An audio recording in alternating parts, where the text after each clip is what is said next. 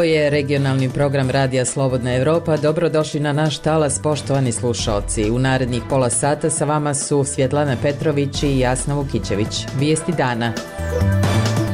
Zastupnički dom parlamenta Bosne i Hercegovine potvrdio je imenovanje novog saziva vijeća ministara.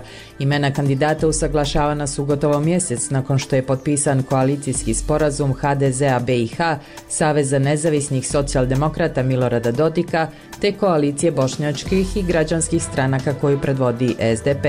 Više javno tužilaštvo u Beogradu je odbacilo krivične prijeve grupe Oktobar protiv ruskog ambasadora u Srbiji Aleksandra Harčenka i direktora BIA Aleksandra Vulina zbog djelovanja Wagner grupe u Srbiji. Ne postoji osnova sumnje da je učinjeno prijavljeno krivično dijelo, naveli su iz tužilaštva. Specijalni predstavnik Evropske unije za dijalog Srbije i Kosova Miroslav Lajčak doputovaće na veče 25. januara u Prištinu, saznaje Radio Slobodna Evropa iz diplomatskih izvora u Briselu. Njemačka će poslati tenkove Leopard 2 u Ukrajinu i odobriti njihov izvoz iz partnerskih zemalja, saopštila je njemačka vlada. Time se otvara put zemljama kao što su Poljska, Španija i Norveška da Ukrajini isporuče svoje zalihe tenkova Leopard. Ukrajinske snage povukle su se iz istočnog grada Soledar u Donjeckoj oblasti, saopšteno je iz ukrajinske vojske, što je prva ukrajinska potvrda da su Soledar zauzele ruske snage. Helsinškoj grupi u Moskvi, jednoj od najstarijih ruskih organizacija za ljudska prava, sud je naložio zatvaranje nakon što je vlada rekla da nema ispravnu registraciju, prenosi Reuters automatskom dijelu emisije možete čuti završeno je žalbeno ročište u predmetu protiv Jovice Stanišića i Franka Simatovića pred Međunarodnim rezidualnim mehanizmom za krivične sudove. Tužilaštvo je zatražilo da se Jovica Stanišić i Franko Simatović osude i za udruženi zločinački poduhvat u kojem su bili uključeni Slobodan Milošević i drugi visoki dužnostici Srbije, te zločine počinjene ne samo na području Bosne i Hercegovine, već Hrvatske tokom ratova početkom 1990. 90-ih. Predsjednik Udruženja pravnika Crne Gore, Branislav Radulović, komentariše za naš radio instant promjene zakona kojima vlast pribjegava kada ne može da sprovede svoje političke zamisli, kao i predlog da se sudije Ustavnog suda biraju žijebom. I upravo oni koji bi danas trebali da omoguće kompletiranje Ustavnog suda ili njegovu deblokadu, zapravo su najveći generator neustavnog postupanja u Crnoj Gori. Dakle, imamo seriju instant rešenja koja su mnogo više produkovala problema nego što su riješili ranije postojeće probleme. Slušate radio Slobodna Evropa. Zastupnički dom parlamenta Bosne i Hercegovine potvrdio je u srijedu imenovanje novog saziva vijeća ministara BiH. Sjednici su prisustvovala 42 zastupnika, od kojih je 23 glasalo za imenovanje novih državnih ministara i njihovih zamjenika. Rasprava parlamentaraca je obilježena kritikama iz opozicionih stranaka, iz kojih je upozoreno da su pojedini kandidati za ministre imali probleme sa zakonom, te da nisu završene kompletne sigurnosne procjene za njih njihovo imenovanje, izvještava Marija Augustinović. Novi članovi vijeća ministara Bosne i Hercegovine položili su u srijedu svečanu zakletvu i time su i zvanično preuzeli mandat. Ministarske pozicije u iduće četiri godine dijelit će kadrovi Hrvatske demokratske zajednice Bosne i Hercegovine, Saveza nezavisnih socijaldemokrata te koalicije stranaka predvođene socijaldemokratskom partijom Bosne i Hercegovine. Denis Zvizdić, predsjedavajući zastupničkog doma državnog parlamenta. Ukupno prisutni 42 za 23, dakle imamo opću većinu, imamo entitetsku većinu. Ja konstatujem da je potvrđeno imenovanje Predsjedavajuća vijeća ministara BiH Borjana Krišto kao prva žena na toj poziciji u Bosni i Hercegovini najavila je da će vijeće ministara i državni parlament zajedno raditi na stabilnosti, sigurnosti i evropskoj budućnosti zemlje. No parlamentarnu diskusiju obilježile su kritike zastupnika iz opozicijskih stranaka. Tako se među ostalim moglo čuti da su pojedini novoimenovani ministri imali probleme sa zakonom, Mladen Bosić iz kluba Srpske demokratske stranke poručio je građanima da će situacija ostati ista. Nažalost, svi smo svjedoci da su neki od kandidata za ovaj sastav savjeta ministara povezani sa porodičnim nasiljem, sa nasiljem nad ženama. I vi koji ćete dići ruku za takav saziv, razmislite dobro. Opozicija je također upozorila da nisu provedene sve sigurnosne provjere novih ministara. Milan Dunović, zastupnik Demokratske fronte. Nije urađena provjera onako kako precizira zakon o pristupu tajnim podacima. Nemamo informaciju da li su dobili dozvolu za pristup tajnim i vrlo tajnim podacima. Zlatko Miletić iz stranke za nove generacije naglasio je da među novim ministrima ima i osuđenika, kao i umješanih u zloupotrebe budžeta, falsificiranje dokumenata i nasilje. Pitam ove iz međunarodne zajednice da li je u njihovim demokratskim zemljama moguće da kandidat kaže sljedeću rečenicu, citiram, ne osjećam Bosnu i Hercegovinu kao svoj dom. Iz Centralne izborne komisije ranije je saopćeno da je svih 19 kandidata za državne ministre i njihove zamjenike prošlo provjere i da ispunjavaju uvjete da budu izabrani. Potvrđivanje imenovanja novog saziva vijeća ministara pozdravila je ambasada Sjedinjenih američkih država. Iz ambasade su naveli da Bosna i Hercegovina treba stabilne i funkcionalne vlade usmjerene na rješavanje izazova s kojima se građani suočavaju. Za Radio Slobodna Evropa iz Sarajeva, Marija Augustinović. Završeno je žalbeno ročište u predmetu protiv Jovice Stanišića i Franka Simatovića pred Međunarodnim rezidualnim mehanizmom za krivične sudove. Tužiteljstvo tvrdi da je Srbija plaćala Arkanovu gardu, odbrana da je sud to ranije odbacio. Presuda se očekuje u junu ove godine, izvještava Aida Đugum. Tužilaštvo je zatražilo da se Jovica Stanišić i Franko Simatović osude i za udruženi zločinački poduhvat u kojem su bili uključeni Slobodan Milošević i drugi visoki dužnostici Srbije, te zločine počinjene ne samo na području Bosne i Hercegovine, već Hrvatske, tokom ratova početkom 1990-ih. Zatraženo je i da bivši šefovi službe državne bezbjednosti Srbije budu osuđeni za zločine u drugim opštinama u Bosni i Hercegovini, za koje su ranije oslobođeni, a ne samo za zločine u Bosanskom Šamcu, za koje su 30. juna 2021. u ponovljenom suđenju prvostepeno osuđeni na po 12 godina zatvora. Tužilaštvo je navelo da postoje jasni dokazi o finansijskoj podršci Srpskoj dobrovoljačkoj gardi, a koji su činili zločine nad preostalim nesrbima u Sanskom mostu 1995. godine i drugdje. Tužiteljica Loren Beig Dokazano je van razumne sumnje da su Stanišić i Simatović tokom operacije u Sanskom mostu plaćali Srpsku dobrovoljačku gardu i da je to ponašanje imalo značajni učinak na počinjenje krivičnih dijela.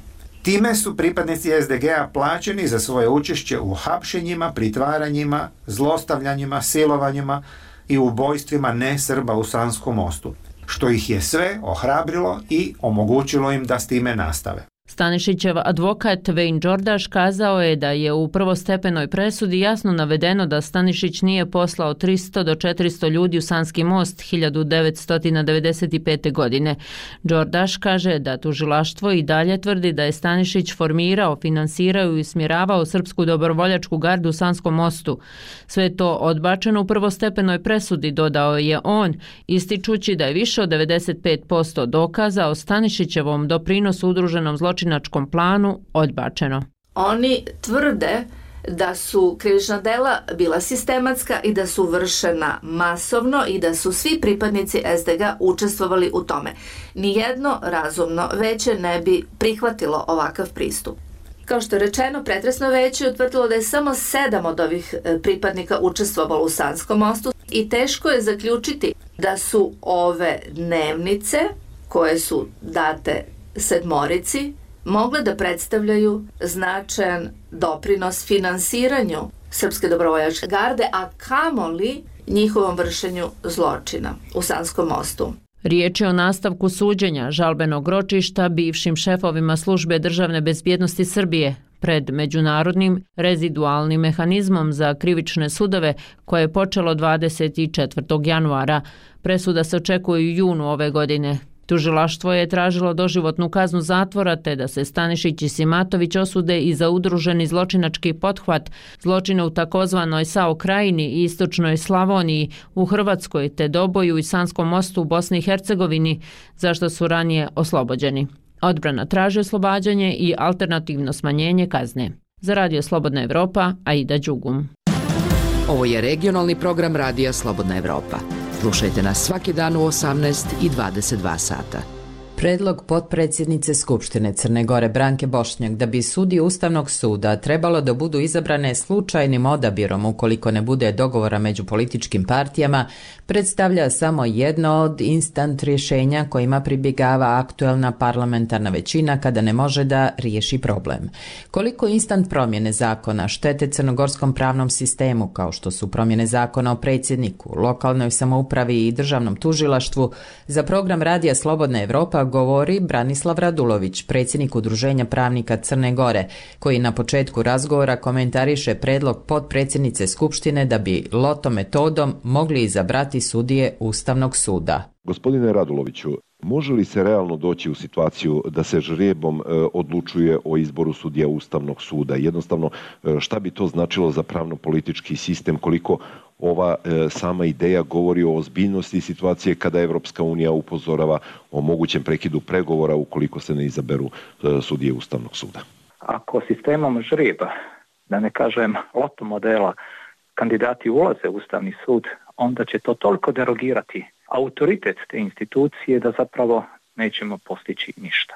Bojim se da se zaboravilo ono što je najvažnije, a to su kompetencije kandidata i izgradnja njihovog autoriteta da bi se kroz odgovarajući izborni proces zapravo izabrali najbolji. Bojim se da veliki broj ideja zapravo devastira čitav proces i da, nažalost, insistiranje na nacionalnoj pripadnosti ili nekim drugim karakteristikama koje svakako jesu važne, ali ne i presuđujuće, doći ćemo u situaciju da možda i uspije proces, ali pacijent umre.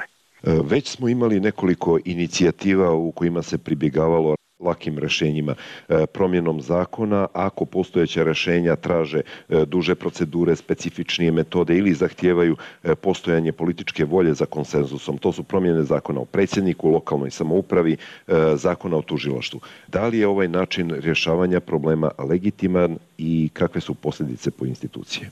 Dakle, od zakona o državnim službenicima i namještenicima, preko zakona o lokalnoj samopravi, zakona o predsjedniku, sada zakona o državnom tužilaštvu, zapravo od malog napravili smo veliki problem i ponovit ću da u Ustavu u članu 10 stav 2 stoji svako je obavezno da se pridržava Ustava i zakona. Primarno tu obavezu imaju najznačajnije ustavne institucije, to su Skupština i vlada. Bojim se da su i jedna i druga institucija u zadnje dvije godine generator neustavnih postupanja i upravo oni koji bi danas trebali da omoguće kompatiranje Ustavnog suda ili njegovu deblokadu zapravo su najveći generator neustavnog postupanja u Crnoj Gori. Dakle, imamo seriju instant rešenja koja su mnogo više produkovala problema nego što su riješili ranije postojeće probleme, tako da danas sa pravom moram kazati da je ova država dovedena do neke vrste institucionalnog haosa i lagonije ili kako je to nedavno rekao gospodin Ekskobar da je ova država na ivici takozvanog institucionalnog kolapsa. Ono što je također pitanje je e, da li se radi o lošim zakonskim rješenjima u ovim slučajevima e, ili jednostavno vlada i većina u parlamentu nemaju kapacitet da sprovedu zakonske odredbe pa poručuju da su zakoni i njihove odredbe prepreka za sprovođenje političkih zamisli. Nekoliko godina ranije postala je dilema da li mi u sistemu imamo neznanje ili korupciju a sada je pitanje da li je neznanje ili namjera. Ja mislim da se ovdje radi o namjeri. Najveći dio tih namjera je neustavno, najveći tih namjera se pravda lošim prethodnim stanjem, ali najveći tih namjera je upravo produkovalo mnogo lošije stanje nego što smo imali u prethodnom periodu. Dakle, ponavljam, radi se o instant rešenjima, radi se o rešenjima koje su uglavnom neustavna, radi se o rešenjima koja su antisistemska i zapravo to dovodi do ovog institucionalnog kolapsa. Bio je to Branislav Radulović, predsjednik Udruženja pravnika Crne Gore u razgovoru sa Srđanom Jankovićem. Slobodna Evropa.org od ruske invazije na Ukrajinu 24. februara 2022. mnoge zemlje su se obavezale da će prekinuti ili ograničiti uvoz ruske nafte i gasa kako bi smanjile prihode Moskve i ometale njene ratne napore. Ruska ekonomija u velikoj mjeri zavisi od svog energetskog sektora, a Evropa je glavni uvoznik ruske energije. SAD su u martu prošle godine objavile da zaustavljaju uvoz ruske nafte, a Velika Britanija da zabranjuje uvoz ruske sirove nafte od 5. decembra. Na meti je bio i ruski gasni sektor. Kakav su uticaj imale sankcije na ruski izvoz nafte i gasa do sada? Bilježi Adnan Čomor. Osnovno pitanje je da li su sankcije Rusiji bile efikasne. Otkako je Evropska unija početkom decembra 2022. godine zabranila uvoz ruske nafte morem, njena cijena je značajno pala. Zabrana je uvedena u isto vrijeme kada su najveće svjetske ekonomije dogovorile gornju granicu cijene ruske nafte. Američki zvaničnici su ukazali na to da je ograničenje imalo svoj namjeravani učinak smanjenjem prihoda od ruske nafte. Ali energetski analitičar Ben McWilliams vjeruje da je embargo na naftu u Europskoj uniji taj koji utječe na cijenu, a ne na gornju granicu cijena. Ruskom naftom se trguje po cijeni od oko 50 dolara po barelu. To je vođeno embargom jer Rusija sada mora da pokuša da je proda drugdje. Moskva gubi oko 175 miliona dolara dnevno od izvoza fosilnih goriva zbog ovih mjera, prema studiji Centra za istraživanje energije i čistog vazduha. Pored naftnih sankcija, zapadne zemlje su usvojile razne mjere u pokušaju da otežaju trgovinu s Rusijom. Indija, Kina i Turska su prošle godine povećale kupovinu ruske nafte i sada zajedno čine 70% ukupnih tokova ruske sirove nafte morem. Mnoge evropske zemlje traže da vide mogu li nabaviti zalihe negdje drugdje. Klub zemalja uvoznica nafte Međunarodne energetske agencije pristao je da spusti 120 miliona barila sirove nafte iz svojih zaliha 2022. godine. Sjedinjene države su prošle godine također oslobodile neke od svojih strateških rezervi. Ali pozivi zemljama bogatim naftom kao što su Saudijska Arabija, Ujedinjeni Arabski Emirati i Venezuela da povećaju proizvodnju nakon rata u Ukrajini nisu bili bezuspješni. OPEC i drugi veliki proizvođači nafte smanjili su proizvodnju krajem 2022. godine kako bi održali cijene. Smanjenje uvoza gasa iz Rusije bio je veliki izazov za mnoge evropske zemlje. Kontinent većinu svog gasa dobija putem gasovoda, od kojih većina prolazi kroz Rusiju. Naftovod, kao što je onaj koji ide od Azerbejdžana do Turske, nema dovoljno kapaciteta da zadovolji potrebe Evrope. Rusija je u 2021. godini snadbijevala zemlje Evropske unije sa 40% prirodnog gasa. Države Evropske unije sada više traži isporuku ukapljenog prirodnog plina, LNG-a, u tankerima proizvođača kao što su SAD i Katar. Pomak prema uvozu LNG-a od strane evropskih zemalja bio bi veoma značajan zamjenjujući zalihe iz Rusije koje su dominirale evropskim kupovinama u posljednjih nekoliko godina. Međutim, nema dovoljno LNG terminala u Evropi, kaže savjetnica za energetiku Kate Dorian. Ovo će biti problem posebno za Njemačku. U planu je nekoliko novih LNG terminala, a neki su već u izgradnji širom Evrope jer zemlje pokušavaju da povećaju svoje kapacitete. Za Radio Slobodna Evropa iz Sarajeva, Adnan Čomor. Tri puta više državljanstva Srbije u odnosu na 2021.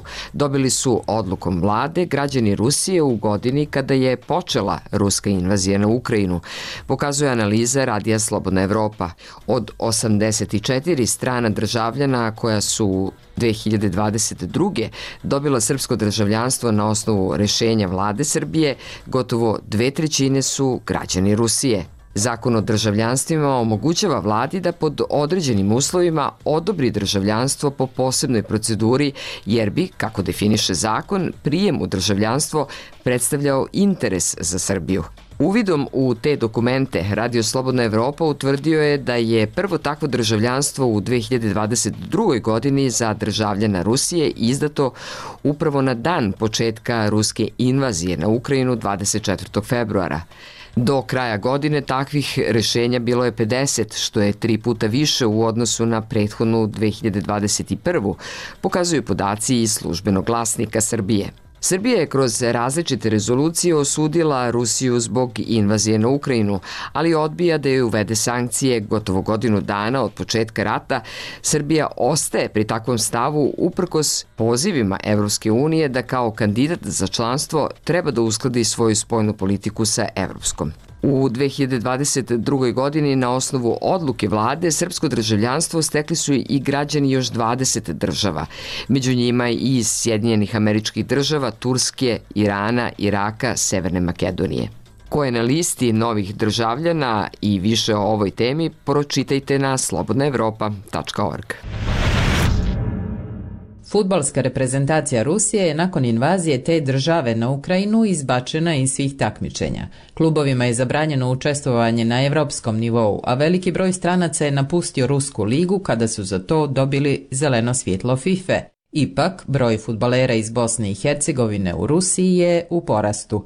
Tema Gorana Katića. Futbalski klubovi iz Rusije ne mogu učestvovati u evropskim takmičenjima, ali to ne smeta igračima iz Bosne i Hercegovine da u sve većem broju odlaze u tu zemlju i igraju za tamošnje klubove. U Ruskoj premijer ligi ove sezone igra šest futbalera iz BiH, nakon što su prošle sezone igrala samo dvojica. To pokazuju podaci specijalizovanog portala za futbalske transfere Transfermarkt. Za klubove u Ruskoj prvoj ligi igraju Renato Gojković, Darko Todorović, Igor Savić, Amar Rahmanović, Ivan Bašić i Miloš Šatara. Od njih jedino je Gojković ranije stigao u Rusiju. Ostala petorica su pristigli u prethodnih godinu dana, odnosno nakon početka ruske invazije na Ukrajinu i blokada sa kojima se suočio tamošnji sport. Nakon te invazije, ruska reprezentacija je isključena iz svih međunarodnih takmičenja pod okriljem FIFA i UEFA, dok se klubovi ne mogu takmičiti u evropskim takmičenjima tokom ove sezone. Među BH igračima koji su u prethodnih godinu dana otišli u Rusiju da igraju je 22-godišnji Igor Savić. Prošle sezone vezni igrač šampiona BiH Zrinskog iz Mostara, a od septembra futbaler Torpeda iz Moskve. Savić, koji je trenutno na pripremama sa klubom u Turskoj, rekao je za Radio Slobodna Evropa da je ovo napredak za njega i njegovu karijeru. S obzirom na ovo stanje sa ratom i Ukrajinom, to sve sigurno da to nikome ne odgovara, ali mi znamo da je sport jedno, ovo politika je drugo i to ne treba miješati. On ističe da se posavjetovao sa bivšim saigračem iz Zrinskog, Ivanom Bašićem, koji je nekoliko mjeseci ranije također otišao u Rusiju, te zaključio da se radi o stepenici više za njegovu karijeru, uprko zabrani učešća u evropskim takmičenjima. Ne očekuje probleme zbog svog transfera u Rusiju dok traje invazija u Ukrajini. Smatram da nema to veze, da neće se nikakav vrata zatvoriti. Jer evo vidimo dosta igrača iz ruskih klubova ide u Europu, prelazi toga, mislim da to nije prepreka. Ne postoje ograničenja po pitanju transfera futbalera u Rusiju ili van nje, iako bi isključenje Rusije iz SWIFT sistema plaćanja, bar u teoriji, trebalo da komplikuje plaćanje naknade za transfere. FIFA je u martu prošle godine dozvolila stranim igračima i trenerima da jednostrano raskinu svoje ugovore sa ruskim i ukrajinskim klubovima do 30. juna 2022. što je nekoliko desetaka futbalera iskoristilo. Ovaj rok je kasnije produžen do kraja juna ove godine. Futbalski agent iz Banja Luke, Siniša Gagula, iako trenutno među svojim klijentima nema igrača koji igraju u Rusiji, kaže za radio Slobodna Evropa da transferi u tu zemlju teku bez većih problema. Ipak ističe da je teže ostvariti transfer nego ranije. Ja sam imao sada dva igrača ponudu iz ruskih klubova gdje uredno bilo i napisana i ponuda sve ok, sve top, ali igrači nisu htjeli da idu financije nije da će postati ekstremno bogati, a ponovo nisi tu u Evropu, da je se takva atmosfera napravila, pitanje gdje ćeš onda iz Rusije ako se budeš morao vraćati u Evropu. Dodaje da je slično u Ukrajini, gdje igrači zbog straha ne žele da idu. Za radio Slobodna Evropa iz Banja Luke, Goran Katić. Dnevno et RSE. Pregled regionalnih i svetskih događaja dana. Optužbe protiv bivšeg visoko rangiranog agenta Federalnog istražnog biroa FBI da je prekršio sankcije radeći za ruskog oligarha Olega Deripasku usledile su dok američke vlasti pojačavaju pritisak na bogate Ruse posle invazije Moskve na Ukrajinu. Slučaj također baca svetlo na to kako ruski oligarsi mogu dopreti do samog srca bezbednostnih službi SAD-a, pišu svetski mediji. Optužnice protiv bivšeg agenta također pokazuju da je imao sumnjive poslovne veze s političarima iz Albanije i Bosne i Hercegovine. Bivši visokorangirani agent FBI-a Charles McConical optužen je za kršenje američkih sankcija i učešće u pranju novca radeći za Deripasku kojem je pomagao u istrazi protiv rivalskog ruskog oligarha, ukazuje Financial Times. McGonigal, koji je služio kao specijalni agent zadužen za kontraobaveštine poslove u kancelariji FBI-a u Njujorku i koji je istraživao Deripasku tokom rada u agenciji, uhapšen je 21. januara zajedno s bivšim ruskim i sovjetskim diplomatom Sergejem Šestakovim, koji je dobio američko državljanstvo. Njih dvojica su po navodima tužilaca 2019. radili na ukidanju sankcije protiv Deripaske. Optužnica kao protiv McGonigala je usledila, kako navodi Wall Street Journal, dok Ministarstvo pravde SAD-a nastoji da pojača svoje napore u istragama protiv advokata i drugih koji pomažu ruskim oligarcima. U okviru kampanje pritiska administracije Joe Bidena protiv predsjednika Vladimira Putina nakon invazije na Ukrajinu. Redke i ozbiljne optužbe protiv višeg zvaničnika FBI-a koji je nadgledao neke od najtajnijih i najosjetljivijih kontraobaveštenih istraga te agencije pokazuju da ruski oligarsi mogu dopreti do srca američkih službi za sprovođenje zakona, ističe New York Times. Dok optužbe protiv McGonigala pokazuju kako se možda podrivaju napori za jačanje ekonomskih sankcija na bogate Ruse posle invazije na Ukrajinu, one su, prema pisanju Washington Posta, otkrile veze bivšeg agenta FBI-a s balkanskim političarima. U zasebnom slučaju pokrenutom u Vašingtonu, tužioci tvrde da je, makar od avgusta 2017. McGonigal propustio da otkrije FBI-u svoj odnos s bivšim službenikom Albanske obaveštajne agencije, koji je u optužnici opisan kao osoba A, a također je propustio da otkrije da je imao kontakt s premijerom Albanije Edijem Ramom. Krajem 2017. godine, navode vlasti, Meg Gonigal je od osobe A dobio ukupno 225.000 dolara u gotovini. Nekoliko meseci kasnije, na urgiranje Meg Gonigala, FBI je otvorio istragu protiv američkog lobiste koji je radio za albansku političku partiju raminim rivalima. Sledeće godine, McGonigal je navodno tražio od službe FBI-a za vezu u Ujedinjenim nacijama da ugovori sastanak s tadašnjim američkom ambasadorkom Nikki Haley ili drugim visokim zvaničnikom, kao i s bivšim bosanskim ministrom odbrane i osnivačem bosanske farmaceutske kompanije, navodi Washington Post. Radi se o sadašnjem ministru sigurnosti Selmu Cikotiću i preminulom biznismenu iz Gračanice na severozapadu Bosne i Hercegovine Davudu Zahiroviću. U optužnici se navodi da su McGonigalovi saradnici tražili taj sastanak iz političkih razloga koji bi doneli finansijsku korist osobi A. McGonigal je tada, prema optužnici, predložio da farmaceutska kompanija plati pola miliona dolara kompaniji registrovanoj na osobu A, kao nagradu za organizovanje sastanka. Pregled regionalnih i svetskih događaja dana potražite na dnevnoet.rse.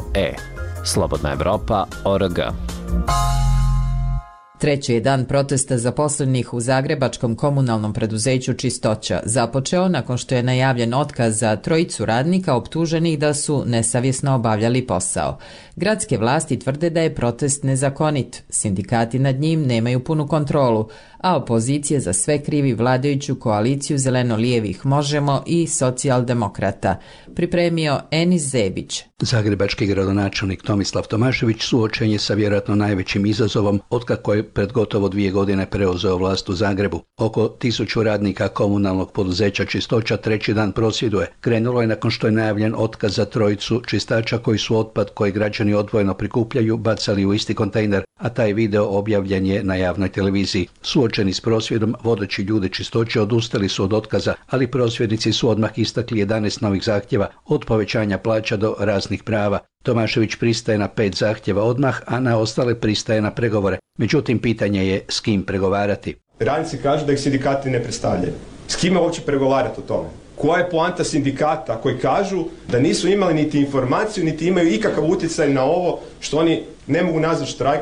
Zašto ne mogu nazvati štrajk? Zato što je nezakonit. Naime, sindikati već više od mjesec dana pregovaraju oko produljenja kolektivnog ugovora sa upravom Zagrebačkog holdinga u sklopu kojeg je i čistoća i kako je u toku postupak mirenja, štrajk je u to vrijeme zabranjen. Tomašević je najavio da će zato kazneno prijaviti prosvjednika da troškove plaće za sve dane koje se ne radi po 100.000 eura dnevno trebaju nadoknaditi sindikati. To su sindikati odmah odbili sa obrazloženjem da oni nisu organizatori štrajka. Jedan od sindikalnih lidera svakodnevno prisutan na prosvjedu, čelnik novog sindikata Mario Iveković, priznao je da je on u stvari nemoćan. Ja ni ne mogu sad više govoriti, to je psihologija mase, to je nešto sasvim, sasvim drugo. Znači, oni su sami odlučili i gledajte, ali, ali nisu nerazumni. U krug čistoće novinari ne mogu ući. Nedjeljko Anušić je jedini od 15 zaposlenih u čistoći kojim smo se obratili dok je izlazio, a koji je pristao razgovarati za naš program. Treći dan. Da. Šta tražite, čime ćete biti zadovoljni? Znači da se nađe nekakva normalna sredina, eto oni ne žele, odbijaju. Dokad? Znači dok oni pristanu to što mi tražimo i ali prije toga ništa. 5 dana, 5 dana, 7 dana, 7 Mjesec dana, mjesec dana. Za radio Slobodna Evropa iz Zagreba, Enis Zebić.